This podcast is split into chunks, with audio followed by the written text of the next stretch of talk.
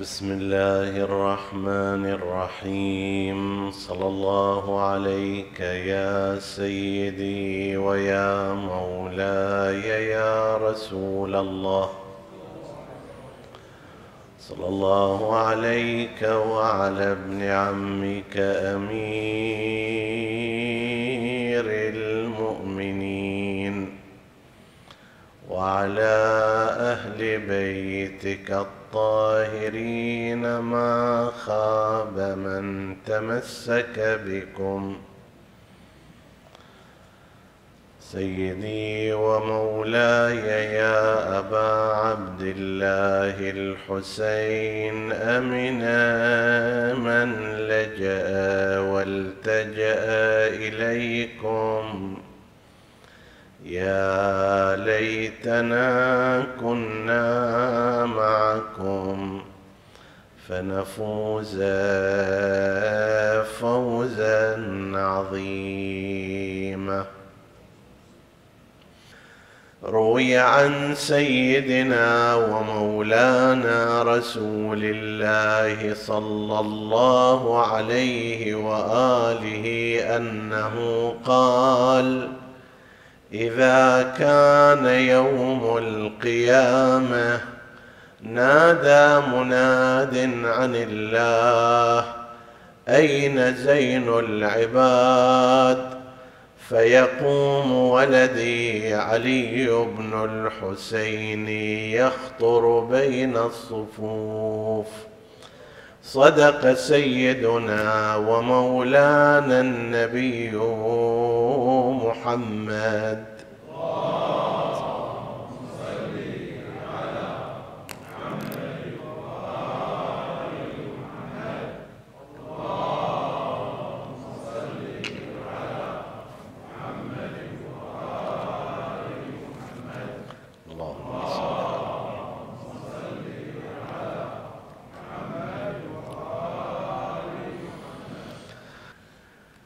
لا بد أن أشير إلى أن هناك صورة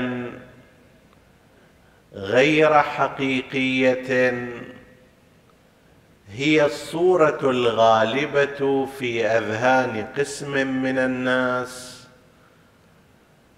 عن الإمام السجاد زين العباد عليه السلام وهي صورة الإمام العليل المريض الذي ظهره مقوس دائما وحاله لا يساعده على فعل شيء ولعله لذلك أصبح لقب العليل هو اللقب الغالب على الإمام عليه السلام مع أن هذا هو جزء بسيط من الصورة.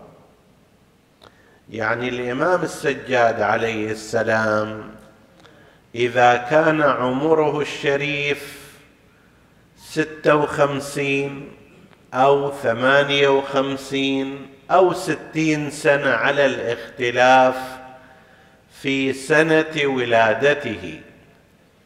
هل هي سنة أربعة وثلاثين أو ستة وثلاثين أو ثمانية وثلاثين وكانت شهادته سنة أربعة وتسعين هجرية. المهم هذه الفترة الزمنية الطويلة التي تصل في بعض التواريخ إلى ستين سنة كانت فترة مرضه سلام الله عليه. المفروض أنها لا تتعدى شهرين في أكثر الفروض وأن هذا المرض والذي أشرنا إليه في بعض المواقع وأنه كان يشبه ما يسمى اليوم بالتجفاف. الجفاف على أثر أن معدة الإنسان لا تستطيع الاستفادة من الطعام ولا تمسكه. كما يستفاد من روايات واردة في قضية كربلاء. هذا المرض هذا العرض إذا صار عند الأطفال من الممكن أن يؤدي إلى مماتهم في تلك الأزمنة. الآن يستعينون فيه بالمغذيات والسيلانات لتعويض النقص الحاصل في البدن بمثل هذه الوسائل الطبية الحديثة. في ذلك الوقت الغالب إذا صار عند الأطفال مثل هذا المرض ينتهون. وبالنسبة إلى الكبار منهم من يموت بهذا ومنهم من يبقى ولكن مع عدم القدرة على صناعة شيء البدن كيف يصير عنده طاقة عندما يكون قادر على الاستفادة من الغذاء الذي يصل إليه؟ أما إذا هذا البدن لم يكن قادرا على الاحتفاظ بالغذاء والاستفادة منه فلا يملك هذا البدن طاقة. هذا المرض أيضا الذي حدث كان لأجل حكمة وهي أن يسقط الجهاد والدفاع عن الإمام السجاد بالنسبة لأبيه الحسين عليه السلام الإمام المعصوم إذا كان مهددا بالموت فيما نعتقد الإمامية فيجب على من حضر في ذلك الوقت أن يمنع من موته وأن يجاهد بين يديه وأن يضحي بنفسه دفاعا عن الإمام أو النبي المعصوم. ولذلك ورد أنه لا يكون أحدكم مؤمنا حتى أكون أحب إليه من نفسه كما ورد عن رسول الله محمد لذكره صلوا عليه.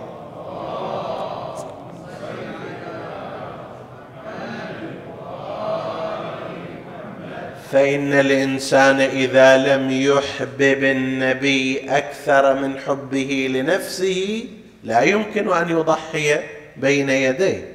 وأمر الدفاع والجهاد وحماية المعصوم من قبل الناس هذا أمر عندنا في عقيدتنا الإمامية مفروغ منه. فلو كان الإمام عليه السلام السجاد في ذلك الوقت قادرا وغير معذور فإنه مطالب بالدفاع مطالب بالجهاد. فقد نقل عن الإمام الحسين عليه السلام فإنه لا يسمع واعيتنا أحد ثم لا ينصرنا إلا أكبه الله على منخريه في نار جهنم. وبهذا حذر بعض الحاضرين قال لهم إذا تريد ما تنصرنا انصرف من هنا. ليش؟ لأنه راح يتفانوا الاصحاب بعد ذلك سيستنجد الحسين ويستنصر وإذا لم ينصره من كان قادرا على النصرة ومن كان غير معذور عن الجهاد هذا مصيره مصير أسود. فاذا قضية المرض هي لحاجة معينة ولظرف خاص وفترة زمنية خاصة. لم تستغرق هذه الفترة إلا هالمقدار هذا لنفترض من قبيل كربلاء مثلا من أول أيام محرم مثلا إلى ما بعد العاشر من محرم ثم صار عليها أضيف على هذا ما لقي من الأذى والتعذيب والجرح وقضية الجامعة والأغلال والسفر المجهد فاستطال هذا المرض إلى فترة أطول ربما إلى حين رجوعه إلى المدينة المنورة. ثم يفترض بعد ذلك أنه انتهى هذا المرض. فان نجي ونقول طول حياته هو هذا العليل مع أنه الفترة مثلا لا تتجاوز ثلاثة اشهر أكثر أقل. هذا أمر هذا ليس كامل الصورة. وليس كامل الشخصية وإنما أحد جهاتها وأحد عناوينها. وهو صحيح بلا إشكال. وربما قسم من الناس أيضا يلجؤون إلى هذا حين التوسل لشفاء المرضى لما يوجد من المناسبة بين علة ومرض الإمام السجاد وبين الحاجة والطلب في المرض مثلما أنه يتوسل بالإمام الكاظم عليه السلام في قضية السجناء والمعتقلين والمكروبين. لكن هذا كما قلنا هو لجهة خاصة لفترة خاصة فينبغي أن تصحح هذه الفكرة في الأذهان. لا الإمام عليه السلام خارج هذا الإطار مارس أدوار مهمة جدا اجتماعية علمية سياسية متميزة. أشير إلى بعض الإشارات فيها. الإمام السجاد عليه السلام ينقل عنه من قبل مؤرخي ومحدثي العامة مدرسة الخلفاء والإمامية. أن الإمام السجاد عليه السلام كان يعول مئة بيت في بعض النقول أكثر من مئة بيت في المدينة المنورة حتى إذا انتقل إلى رضوان الله عز وجل علم هؤلاء من كان يعولهم. افتقدوا ذاك المدد. في بعض الروايات هو نفسه كان يحمل هذه الأشياء وفي روايات أخرى أيضا كان يستعين بآخرين. زين هذه الرواية إذا واحد يفكر فيها ويتأمل فيها وهي كما قلت مما وقع الاتفاق عليها بين الفريقين.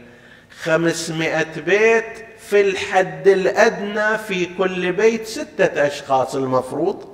هذا أدنى شيء يعني زوج وزوجة وأربعة أربعة من الأولاد. مع ملاحظة أن تلك الأزمنة بعد ما في سالفة تحديد النسل وتنظيم النسل وإلى آخره كان أمر الاستكثار من الأولاد أمر مطلوب ضمن البيئة الاجتماعية. لكن لو حسبنا أقل المعدل فهذا يعني أن هناك ستمائة شخص في المدينة المنورة كان الإمام السجاد عليه السلام يعولهم ويرعاهم ويرفدهم. بعد إلى الآن ما كملنا الحكاية ها. في نفس الوقت ينقل عن الإمام السجاد عليه السلام أنه قال ما بمكة والمدينة عشرون من محبين انت تصور إذا هذا المعنى موجود إذا في المدينة ما في عشرين واحد محب حقيقي للإمام عليه السلام لا المعنى العام أنه يحبه بمعنى أنه يميل إليه لا بمعنى أنه يحبه محبة حقيقية يسمع قوله يتبرأ من أعدائه ينتهج بمنهجه. سواء كان هذا عدد دقيق أو عدد تقريبي مهما يكن وين عشرين واحد وين ستمائة واحد الإمام عليه السلام كان يعولهم. يعولهم تدري بأي معنى؟ مثل ما انت توفر إلى أهلك الطعام والشراب وهم من عيالك وتجب عليك بناء على ذلك زكاة فطرتهم الإمام السجاد كان يعول مئة بيت. هذا مع أن هذه المدينة لم تكن متعاطفة. التعاطف المطلوب مع أئمة الهدى سلام الله عليهم. رأينا في المدينة في قضية كربلاء كيف كان ورأينا ما بعد كربلاء أيضا كيف كان الوضع. طيب. فأنت ترى مثلا مثل هذا الأمر إذا واحد يريد يظهره ويبينه إلى الناس أن شخصا لا يؤمن به جماعة ولا يحبونه ولا يتعاطفون معه ومع ذلك يحمل إليهم مؤونتهم وما يرم به عيشهم. هل مقدار هذا يعني كم ضعف بين عشرين وبين ستمائة واحد بحسب الفرض؟ هناك حوالي ثلاثين ضعف. فهذا يتبين منه مدى نشاط الإمام الاجتماعي عليه السلام. في الجانب الآخر دور الإمام العلمي. كان للإمام السجاد عليه السلام دور علمي متميز في المدينة المنورة بحيث أن السبع الفقهاء كان في المدينة سبعة فقهاء تنتهي إليهم الحلق والدروس والمعارف العلمية الدينية. هؤلاء بشكل مباشر أو غير مباشر كانوا يأخذون عن الإمام السجاد عليه السلام علمهم وكان الإمام لا يقصر في هذا المعنى معهم. حتى ذكر هذا كشاهد فقط وإلى الآن هذا موجود أن قسما من هؤلاء اجتمعوا وتبادلوا النظر عن أقسام الصوم إيش قد أقسام الصوم عندنا؟ من واجب ومستحب ومباح ومكروه ومحرم. فالبعض قال خمسة والبعض قال ستة والبعض قال سبعة وما شابه ذلك. فلما جاء أحد هؤلاء الفقهاء إلى الإمام عليه السلام وسألوا فيما كنتم الإمام يساله شنو أحاديثكم اليوم؟ عما كنتم تتناقشون؟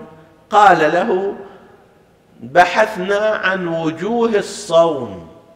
الصيام شقد هو؟ كم من الصوم عندنا من أفراد؟ فبعض قال خمسة بعض قال سبعة بعض قال عشرة. فقال له يا هذا إن الصوم يقع على أربعين وجها لا خمسه ولا سبعه ولا عشره وإنما أربعين مفرده عندنا في الصيام. قال له بينها لي يا مولاي. فأخذ يبينها له واحدة بعد الأخرى. ولم يكن يحجب علمه صلوات الله عليه حتى عمن كان يخالفه مثل محمد بن مسلم بن شهاب الزهري.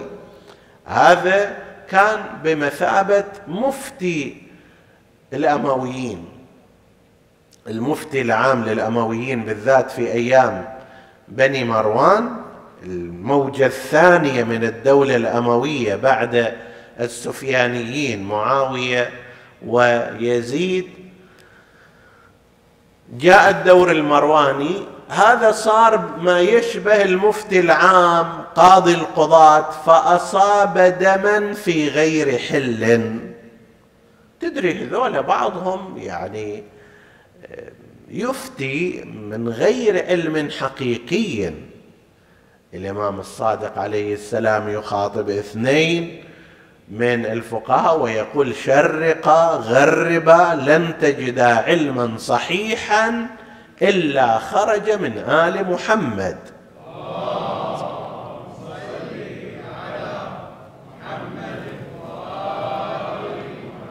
فهذا إذا تصدى وهو لا يملك العلم الصحيح يوقع في أخطاء يوقع في مشاكل فبناء على هذا أصاب دما. فحسب تعبيرنا المعاصر اليوم صابه اكتئاب. يعني انصرف عن الشغل وانعزل ولم يرضى بأن يتصدى لشيء وأصابه اليأس. أنه ما دام هذا أصاب دم قتل إنسان من غير حل وحق هذا شنو يجاوب ربه يوم القيامة؟ فلما مر على الإمام السجاد عليه السلام أخبره الإمام السجاد أن ما أنت فيه من اليأس من عفو الله عز وجل هو أشد من ذاك وعلم كيف يخرج من هذه المسألة. ثم صار محمد بن شهاب من جديد يأخذ عن الإمام السجاد عليه السلام. وللأسف لم يحفظ أهل البيت بما كان ينبغي أن يحفظوا فيه. بس الإمام كان يلقي بعلمه ومعارفه وخزائن علمه حتى إلى أمثال هؤلاء. فايضا الإمام السجاد عليه السلام كان إلى دور علمي متميز ومهم. هذه الليلة سوف نشير إلى جهة أخرى في حياة الإمام عليه السلام وهي ما يرتبط بحياته الأسرية والاجتماعية. هذا البحث ربما يكون من البحوث القليلة التي تذكر وتبين في حياة المعصومين عليهم السلام بالرغم من أهميتها وضرورتها نظرا لأنها هي الأقرب إلى حياة الناس. الإنسان يعيش حياة اجتماعية يعيش حياة أسرية عنده أولاد كيف يقوم بتربيتهم؟ كيف يتحمل مسؤوليه كيف يتحمل مسؤوليتهم؟ هذا مهم للأسف إحنا عندنا حالة يعني الآن قاعدة تصير وتتشكل. ويشتكى منها أن الوالد قسم من الآباء إن شاء الله ما يكون أحد من السامعين وأكيد ليس منهم من هذا الصنف. يعني يأتي بالولد ثم بعد ذلك لا يهمه أمره في شيء. تستنجد بيابا هذا ما يصلي ابنك. الزوجه تتكلم ويا ابنك ما يصلي. ابنك يدخل على مواقع محرمة. ابنك عابث ابنك قاعد يهمل في الدرس ابنك قاعد يصير من البطالين مو مال شغل مو مال درس مو مال أخلاق مو مال تحمل مسؤولية صلاة ما يصليها.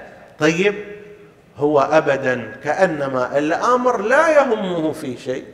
يعتبر أن وظيفته ومسؤوليته أن يروح يكد من الصباح يجيب الأموال حتى ياكلوا ويسمنوا هذول ويكبرون.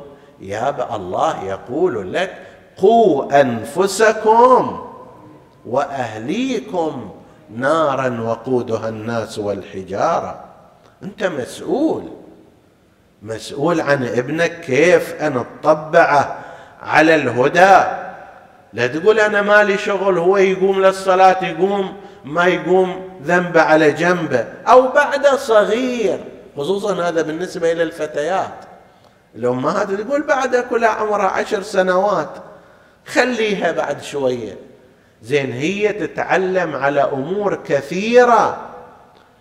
أفلام تشاهد ألعاب تصرف قسم غير قليل من وقتها على ذلك. موضة تابع. حياة الممثلات تحفظهم. هذا كله مو صغيرة عليه.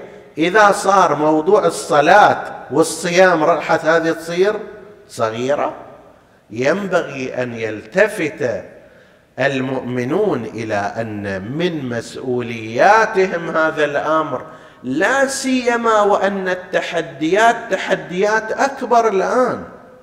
يعني في وقت سابق ربما ما كانت الأسرة تتحدى بهذه الصورة.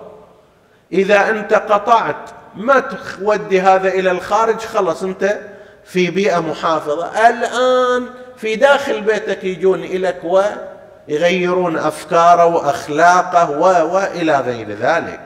فمن المهم أن يتحمل الإنسان المؤمن مسؤولية أبنائه والمؤمنه مسؤولية بناتها. من هنا ينبغي أن يتم التعرض أيضا إلى أئمة الهدى وإلى حياتهم الاجتماعية والأسرية.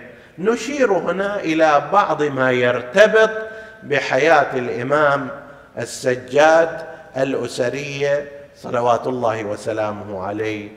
نعني بذلك محيط زوجته أو زوجاته وأولاده. المذكور أن أولاد الإمام السجاد عليه السلام كانوا خمسة عشر ما بين ذكر وأنثى أربع من الإناث واحد عشر من الذكور.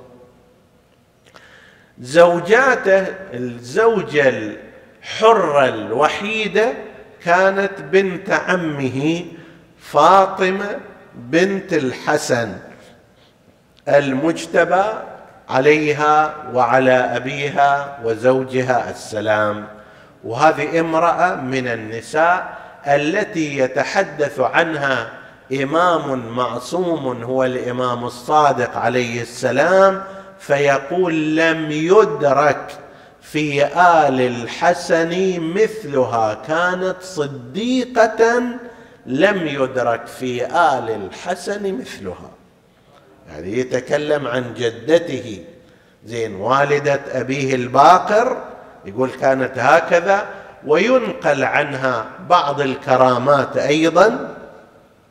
طبعا الكرامة ما تصير للإنسان إلا بعد أن يبلغ من القرب مكانا من الله عز وجل بحيث يوقف الله سبحانه وتعالى المعادلات التكوينية ولو لبعض الوقت كرامة لهذا الإنسان القريب منه معادلات الكون هي بيد الله سبحانه وتعالى فيجريها أو يوقفها هو غالب عليها وعلى قوانينها. فيقال إنها مرت ذات يوم على جدار يكاد ينقض. يعني في طور السقوط فأشارت بيدها هكذا وقالت لا والله ما أذن الله لك أن تسقط حتى أجوز. وبالفعل جازت ومرت ثم بعد ذلك سقط ذلك الجدار. اللهم صل على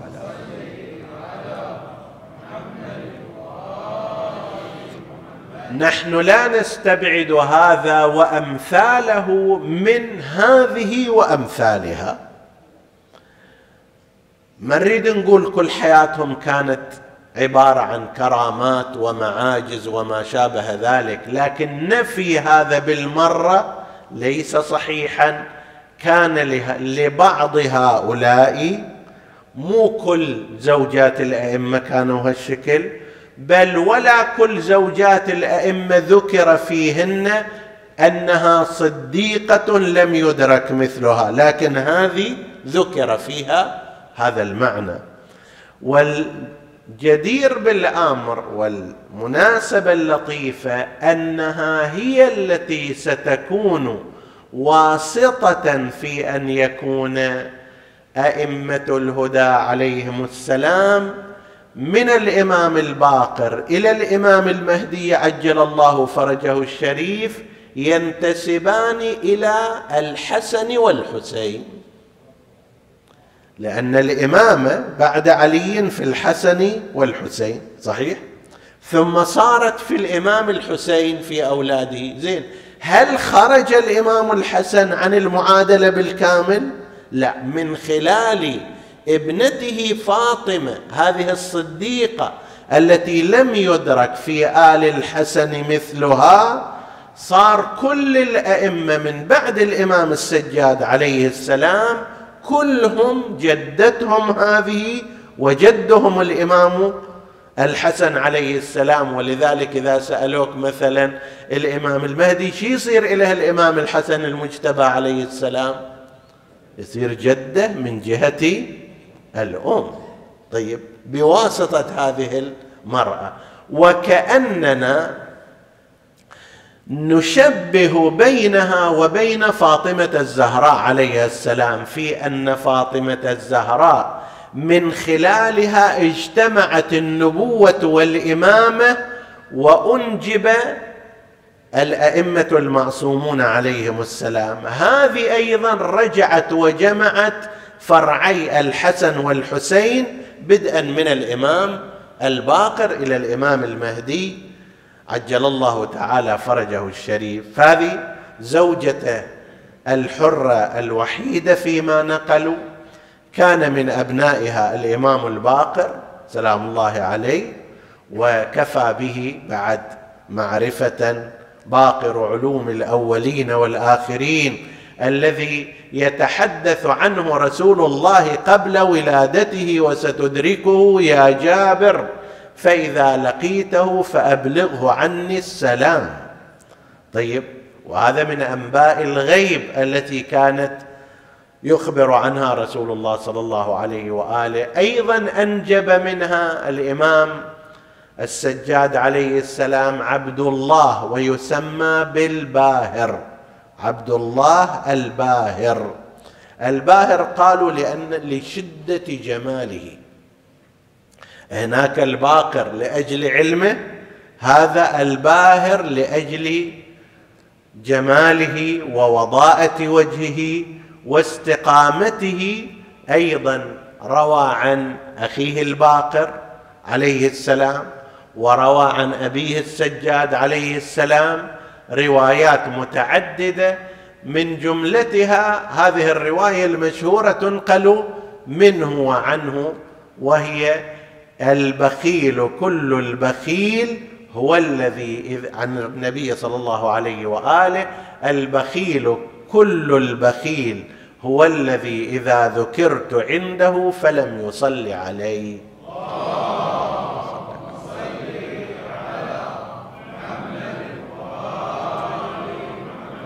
اللهم صل على محمد.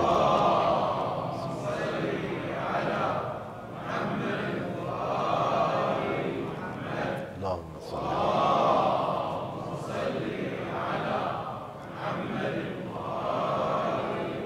وأيضا روى عن جده أمير المؤمنين عليه السلام يعني عن أبيه السجاد عن أبي عن جده الحسين عن أمير المؤمنين روايات في أبواب الحدود حد السارق وتفصيلاته تذكر هناك.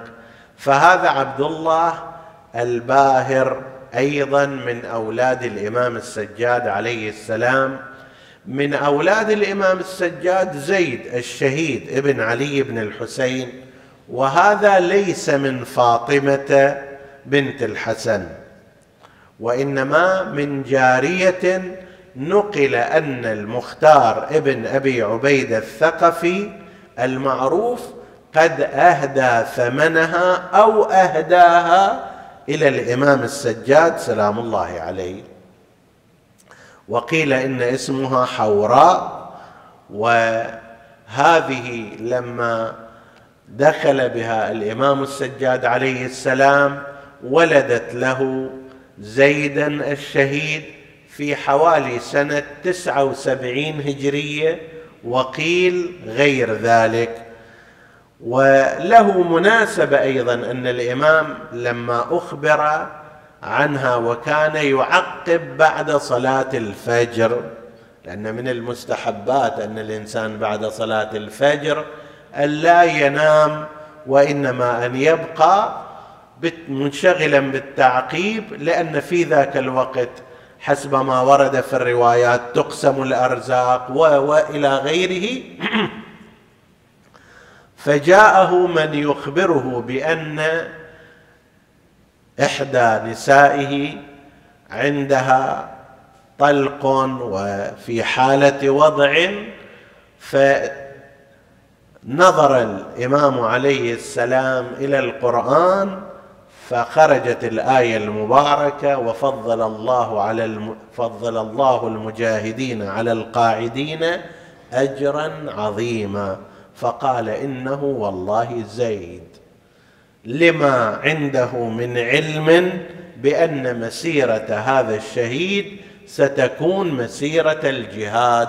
زيد بن علي بن الحسين الشهيد ثار ضد هشام بن عبد الملك وعارضه نظرا لانحرافات هشام بن عبد الملك واستشهد حوالي سنة 120 هجرية. أخذ علم اولا من أبيه إلى سن 17 بقي مع أبيه السجاد 17 سنة تقريبا. نقول تقريبا لماذا؟ لأنه في عندهم اختلاف أحيانا يصير في سنة ولادته وهذا اللي يجعل الأمر غير محسوم. بعضهم يقول هل هذه السنوات بعضهم يقول بعدها بسنتين أو قبلها بسنتين. فبقي مع أبيه السجاد عليه السلام حوالي 17 سنة أخذ عنه العلم فلما استشهد الإمام زين العابدين عليه السلام سنة 94 على المشهور انتقل بالتعلم إلى أخيه الباقر الإمام الباقر أكبر منه سنا وهو متقدم عليه علما وكان زيد يعترف لأخيه الباقر بالتقدم العلمي وعن الإمام الباقر وأبيه السجاد أخذ زيد الشهيد علما كثيرا لا سيما ما يرتبط بالقرآن الكريم. إحنا في إحدى السنوات اللي تحدثنا عن موضوع المعارف القرآنية ذكرنا الشهيد زيد وكيف أخذ من القراءات وما شابه ذلك عن آبائه حتى إلى الآن عنده قراءة خاصة وتفسير خاص والى الآن موجود ومحفوظ. عنه. كذلك في الفقه كان له معرفة كبيرة ومفصلة ويوجد مدح وثناء عليه من الإمام من الإمام الصادق عليه السلام وأنه لو ظفر لوفى. يعني كان سيسلم الأمر لو حصل النصر على الأمويين كان سيسلمه إلى أئمة أهل البيت عليهم السلام. هذا أيضا من أبنائه. أكو عندنا أيضا من أبناء الإمام السجاد عليه السلام عمر الأشرف. عمر الأشرف في مقابل عمر الأطرف. عمر الأطرف هو من أولاد أمير المؤمنين عليه السلام. عمر الأشرف من أولاد الإمام السجاد سلام الله عليه. بين قوسين هذا ولو مو محل بحثنا الآن لعل قسم من الناس يقول ليش الأئمة عليهم السلام يسمون باسم مثلا الخلفاء؟ بل أكثر من هذا قسم من اتباع مدرسة الخلفاء يقولون هذا اذا يدل على أن هناك انسجاما تاما بين الأئمة عليهم السلام وبين المدرسة الأخرى ورموزها وشخصياتها. وهناك كتاب ربما أشرنا إليه غير مرة كتاب محقق جيدا اسمه التسميات بين التسامح العلوي والتوظيف الأموي. مؤلفه المحقق سيد علي الشهرستاني وهو محقق بارع ومتين وتعرض إلى هذا في بحث قيم في حوالي 250 صفحة بشكل بديع رد على أصل الفكرة وعلى تفاصيلها ومن أراد التفصيل يرجع إليه. لكن المختصر يعني ما يناسب هذا المقام حتى لا ندخل فيه بشكل تفصيلي أنه إذا ثبت أن هذه الأسماء هي ملك لأشخاص معينين وماخذين عليها الصك هذا الكلام صحيح. أي هذا الاسم ملكي وعندي عليه صك ملكية وما حد يقدر يستخدمه إلا أن يستأذن مني أو أن يكون على انسجام معي. إذا هالشكل هذا الكلام صحيح. وأما إذا لم يكن هكذا هاشم جد الأسرة الأم... جد الأسرة النبوية كان اسمه عامر. هل مطلوب من كل واحد اسمه عامر؟ أن يروح يستأذن من بني هاشم أنه تقبلون أن أسمي ابني أو أخي أو ما أدري كذا باسم جدكم. ما حد يلتزم بهذا. لا ذاك الزمان ولا في غيره من الأزمنة. طيب فلا دلالة لهذا على هذا الأمر ابدا إلا إذا كان المتقدمون يمتلكون هذه الأسماء ملكية رسمية ونهائية بل نقدر نعكس المسألة أيضا. نقول زين. معنى ذلك أنه إذا سموا فهم على انسجام وإذا ما سموا فهم على غير انسجام. هالشكل أنتم تقولون؟ ما يخالف. لم نجد في أتباع مدرسة الخلفاء في الخلفاء والأمراء أي واحد اسمه علي أو الحسن أو الحسين؟ ماكو أصلا. إلى مئة سنة بعد ماكو. دور ما راح تلقى. فهل معنى ذلك أنه مثلا أهل البيت يحبون ذولاك يسموهم بأسمائهم؟ ذولاك ما يحبونهم فلا يسمونهم بأسمائهم؟ هل هذه المعادلة تقبلونها؟ الحال أنه لا. القضية قد يرتبط الاسم بمسألة الحب وقد لا يرتبط. ولا حاجة لي لأن أستأذن. أنا الآن اليوم إذا أريد أسمي ابني بأي اسم من الأسماء باسم واحد من الحاضرين مثلا. لجهة من الجهات ما أحتاج أن أروح أستأذن منه. بل أحيانا لا ألحظ أن فلان هو اسمه هكذا وأنني سوف أسميه بهذا الاسم لأجل ذاك. فكون الإمام السجاد مثلا يسمي ابنه باسم مثلا عمر أو أبو بكر أو عثمان أو فلان أو فلتان هذا لا يعني بالضرورة أنه يرضى عن كل سياساتهم. لا ربط لهذا الموضوع بذاك. هذا إلى ملف ذاك إلى ملف خاص.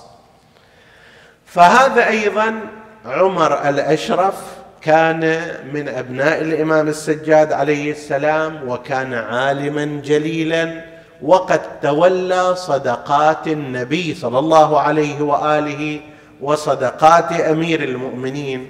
هنا أشير إلى موضوع صدقات النبي وصدقات أمير المؤمنين إشارة عابرة وهي أن أمير المؤمنين عليه السلام بعدما حفر آبارا كثيرة في أبيار علي وحفر مثلها في ينبع. حفر البئر في ذلك الزمان يعني بستان لأن العقبة الأساسية في ذاك الوقت كانت قضية الماء. الأرض ما شاء الله موجودة. والبذور هم موجودة فالمشكلة الحقيقية هي الماء. إذا البئر انحفر معنى ذلك بسهولة يتكون البستان. الإمام أمير المؤمنين عليه السلام في فترة الخمسة وعشرين سنة التي بقيها بعد وفاة رسول الله صلى الله عليه وآله إلى أن جاءته الخلافة في هذه الفترة كان من جملة ما يعمل يعمل هذا الأمر. بعدما اكتملت هذه البساتين وعند قرب شهادته أوقفها صدقة لبني فاطمة اولا ثم أبناء علي عليه السلام ثم عامة المسلمين من كان يحتاج منهم إليها. وخلى ولايتها لولد فاطمة خاصة. أبناء أمير المؤمنين من غير ولد فاطمة يعني من غير ولد الحسن والحسين. يعني مثلا أولاد محمد بن الحنفية ما يدخلون في هذا.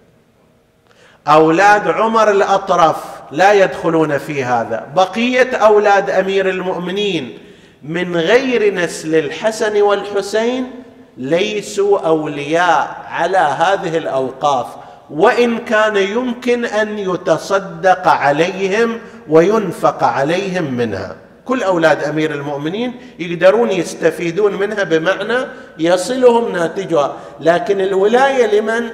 الولاية لمن كان من نسل الحسن والحسين. فكان عمر هذا الأشرف باعتباره من أولاد السجاد فهو من أولاد الإمام الحسين وبالتالي من أولاد فاطمة. أولاد الحسن أيضا نفس الشيء. فكانت صدقات أمير المؤمنين بين أولاد الحسن وأحفاده من جهة وأولاد الحسين وأحفاده من جهة أخرى اللي نازعهم فيه عمر الأطرف. عمر الأطرف هو من أولاد أمير المؤمنين ولكن أم ولكن أمه تغلبية. ليست الصهباء التغلبية ليست فاطمة الزهراء عليه السلام. واجمالا الرجل ما كان حسن المصير ولا حسن المسير عمر الأطرف هذا. في مقابل عمر الأشرف وقيل إنه للتمييز بينهما. هذا لذا قيل عمر ابن علي من الحسين وذاك عمر ابن علي يصير اشتباه فقيل ذاك عمر الأطرف وهذا عمر الاشرف فصار حتى عنده نزاع هذا عمر الأطرف مع أبناء زين العابدين عليه السلام في الولاية على صدقات أمير المؤمنين عليه السلام والسلطة الأموية وقفت إلى جانب عمر الأطرف في مقابل أولاد زين العابدين سلام الله عليه. واجمالا كانت السلطة الأموية قدر الإمكان تعزل عنها أولاد الحسنين سلام الله عليهما حتى لا يستغنوا. كذلك كان عنده آخر باسم الحسين ويقال له الحسين الأصغر وعنده سليمان وآخر وآخرون. ومن خلال ما أنتج هؤلاء يتبين لنا مقدار التربية التي صرفها الإمام عليه السلام على هؤلاء. لا نريد أن نقول أن كل أبناء الأئمة هم صالحون لا. مثلما هي الأرض فيها أرض حسنة وأرض سبخة حتى لو صبيت فيها ماء عذب هذه تنتج هذه لا تنتج. ولكن في المكان اللي فيه قابلية الأئمة عليهم السلام بذلوا جهدا كبيرا في تعليم وتربيه وتهذيب أخلاق أبنائهم وبناتهم ولذلك أنتج هؤلاء ما أنتجوا. لكن بعض الأراضي ما لها قابلية مثل من ذكرنا مثل عمر الأطرف أو من شابه وأكو هناك في بعض ذريات الأئمة هذا المعنى. هذا لا يعني خللا في تربية الإمام وإنما الخلل هو في استقبال ذاك. عندك المطر يأتي من السماء طهور مبارك عذب لكن في مكان يتحول إلى ملح وسبخه ومكان آخر يتحول إلى جنة خضراء. لذلك إحنا مسؤوليتنا أيضا أن نؤديها بالنسبة إلى عيالنا وأبنائنا. فإذا في هناك قابلية عند بعضهم أكيد راح يتأثرون. القسم اللي ما عنده قابلية بعد أنا معذور بيني وبين الله أقول أنا بذلت جهدي حاولت فيه هذبت أخلاقه حرصت على دينه لكن هو اختار طريقا آخر بعد ماذا أصنع؟ لا أستطيع أن أصنع له أكثر مما صنعت. هذا إحنا نستفيده من الأئمة في أننا نبذل غاية المجهود في تربية أبنائنا وبناتنا. هذا فد إجمال عن حياة الإمام السجاد عليه السلام في حياته الاجتماعية والأسرية. طبعا أيضا يشار إلى أن إمامنا السجاد سلام الله عليه وهذا ذكرناه في مواضع أخرى كان له جهات أخر مثل سعيه وراء التهذيب الأخلاقي للأمة وتقوية ارتباطها بالله عز وجل من خلال أدعيته ومن خلال مناجاته ومن خلال بث ثقافة الدعاء وهذا له حديثه الخاص إضافة إلى ما كان عليه من إبقاء جذوة حرارة مأساة الحسين سلام الله عليه في هذه الأمة حتى لا تنسى هذه الأمة حرارة نهضة الحسين ومأساته ولعل خطبته عندما وفد إلى المدينة خير خير معبر على ذلك. يقول لقد قتل ابن رسول الله وسبي صبيته ونساؤه وأهل بيته ولقد بكت السماوات وسكانها هذا إخبار الإمام عليه السلام. ولقد بكت السماوات وسكانها والأرض وعمارها والبحار وحيتانها والأطراف وأكنافها حزنا لمصيبته فإنها رزية لا مثلها رزية. هذا مع استقباله الناس في بوابة المدينة ذكر مصيبة الحسين عليه السلام وأما ما بعد ذلك فأنتم تعلمون أنه كان مشغولا ببكائه على أبيه تذكيرا لهم تذكيرا للناس بمصيبة سيدنا ومولانا الحسين صلوات الله وسلامه عليه. إلى أن حان أن يتخلص منه بنو أمية في دورهم المرواني الخبيث ولا سيما في أيام الوليد ابن عبد الملك. الوليد ابن عبد الملك كان بالإضافة إلى انحرافه الأخلاقي كان شرسا وفاتكا وغادرا إضافة إلى سوء أخلاقه الدينية. فبدأ يعد العدة لاغتيال الإمام السجاد سلام الله عليه. الإمام السجاد في المدينة واللي كان يعمله من عمل مثل هذا إذا ستمائة شخص يعولهم يعني حضور اجتماعي متميز.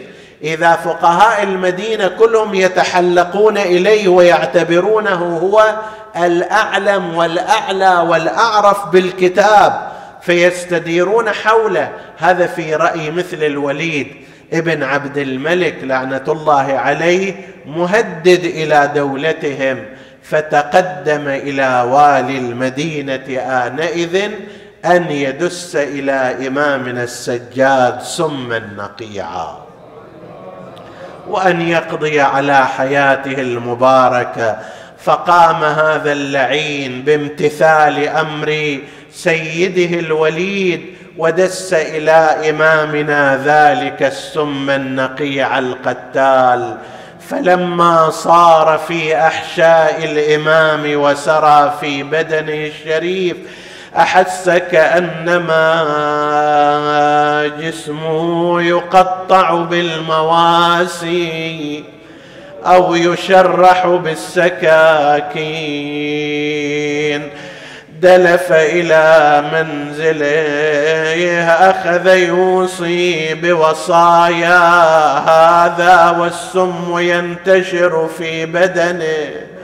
وهو بأبي وأمي تضعف قواه عند احتضار أجله قرأ ما تيسر من القرآن مدد يديه ورجليه غمض عينيه. أستودعكم الله والله خليفتي عليكم لمثل هذا فليعمل العاملون. إن الله مع الذين اتقوا والذين هم محسنون وعرق جبينه وسكن أنينه وفاضت روحه الطاهرة. أين المنادي وإماما؟ وسيداه ومظلوما. سيدي لقد أوحشت المحاريب وصلاة الليل والمناجات. قام إمامنا أبو جعفر الباقر بتجهيزه وتغسيله وتدفينه وتكفينه وحملت جنازته إلى البقيع لتدفن إلى جانب تلك القبور الطاهرة في رحاب قرب رسول الله. أويلي فارق أبو محمد الدنيا ومات مسموم. فارق أبو محمد الدنيا ومات مسموم. وضجت الروضة والقبور والقلب مألوم. شمر ردانه أبو جعفر يغسله خلاه فوق المغتسل والدمع هلا وقال له يا شبل المصطفى يا سيد الملة باقي أثرها برقبتك هالجامعة لليوم. وسوان أثر يا يا بزنودك هالأصفاد. قيل إن الإمام الباقر عليه السلام لما كان يغسل الإمام جرد فانتحى ناحية يبكي. قال له بعض من حضر وقيل إنه أبو حمزة الثمالي. لم تبكي يا سيدي؟ قال رأيت آثار الجامعة في عنق والدي. وآثار الأصفاد والقيود في رجليه باقي أثر الجامعة برقبتك لليوم وسون أثر يا يا يا بزنودك الأغلال. ما تمحي طول الدهار يا سيد الآن سيدي يا أبا جعفر حزنت كثيرا وبكيت. عندما رأيت آثار من أربعين سنة آثار ذلك على رقبة والدك ماذا صنع أبوك عندما رأى رقبة والده بلا رأس؟ ورأى يده بلا خنصر ورأى جسده مبضعا بالسيوف كأني به حين ظهر على ابو حسين والله يعلم بحال دال الجفن والتابوت لف بارية وشالة ولم الجسد المقطع وجمع جملة وصالة. عجب من على قبره قلبه من شطر شطرين. لو قلنا الجسد لما وجاب الخنصر المقطوع والكفين خلاها يا بكترة والجسد مجموع. هذا الجسد وين الراس؟ راس على الرموح نسألك اللهم وندعوك باسمك العظيم الأعظم الأعز الأجل الأكرم يا الله.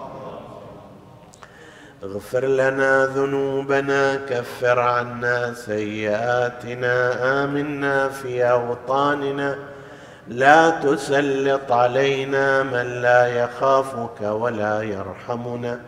ولا تفرق بيننا وبين محمد وآله طرفة عين.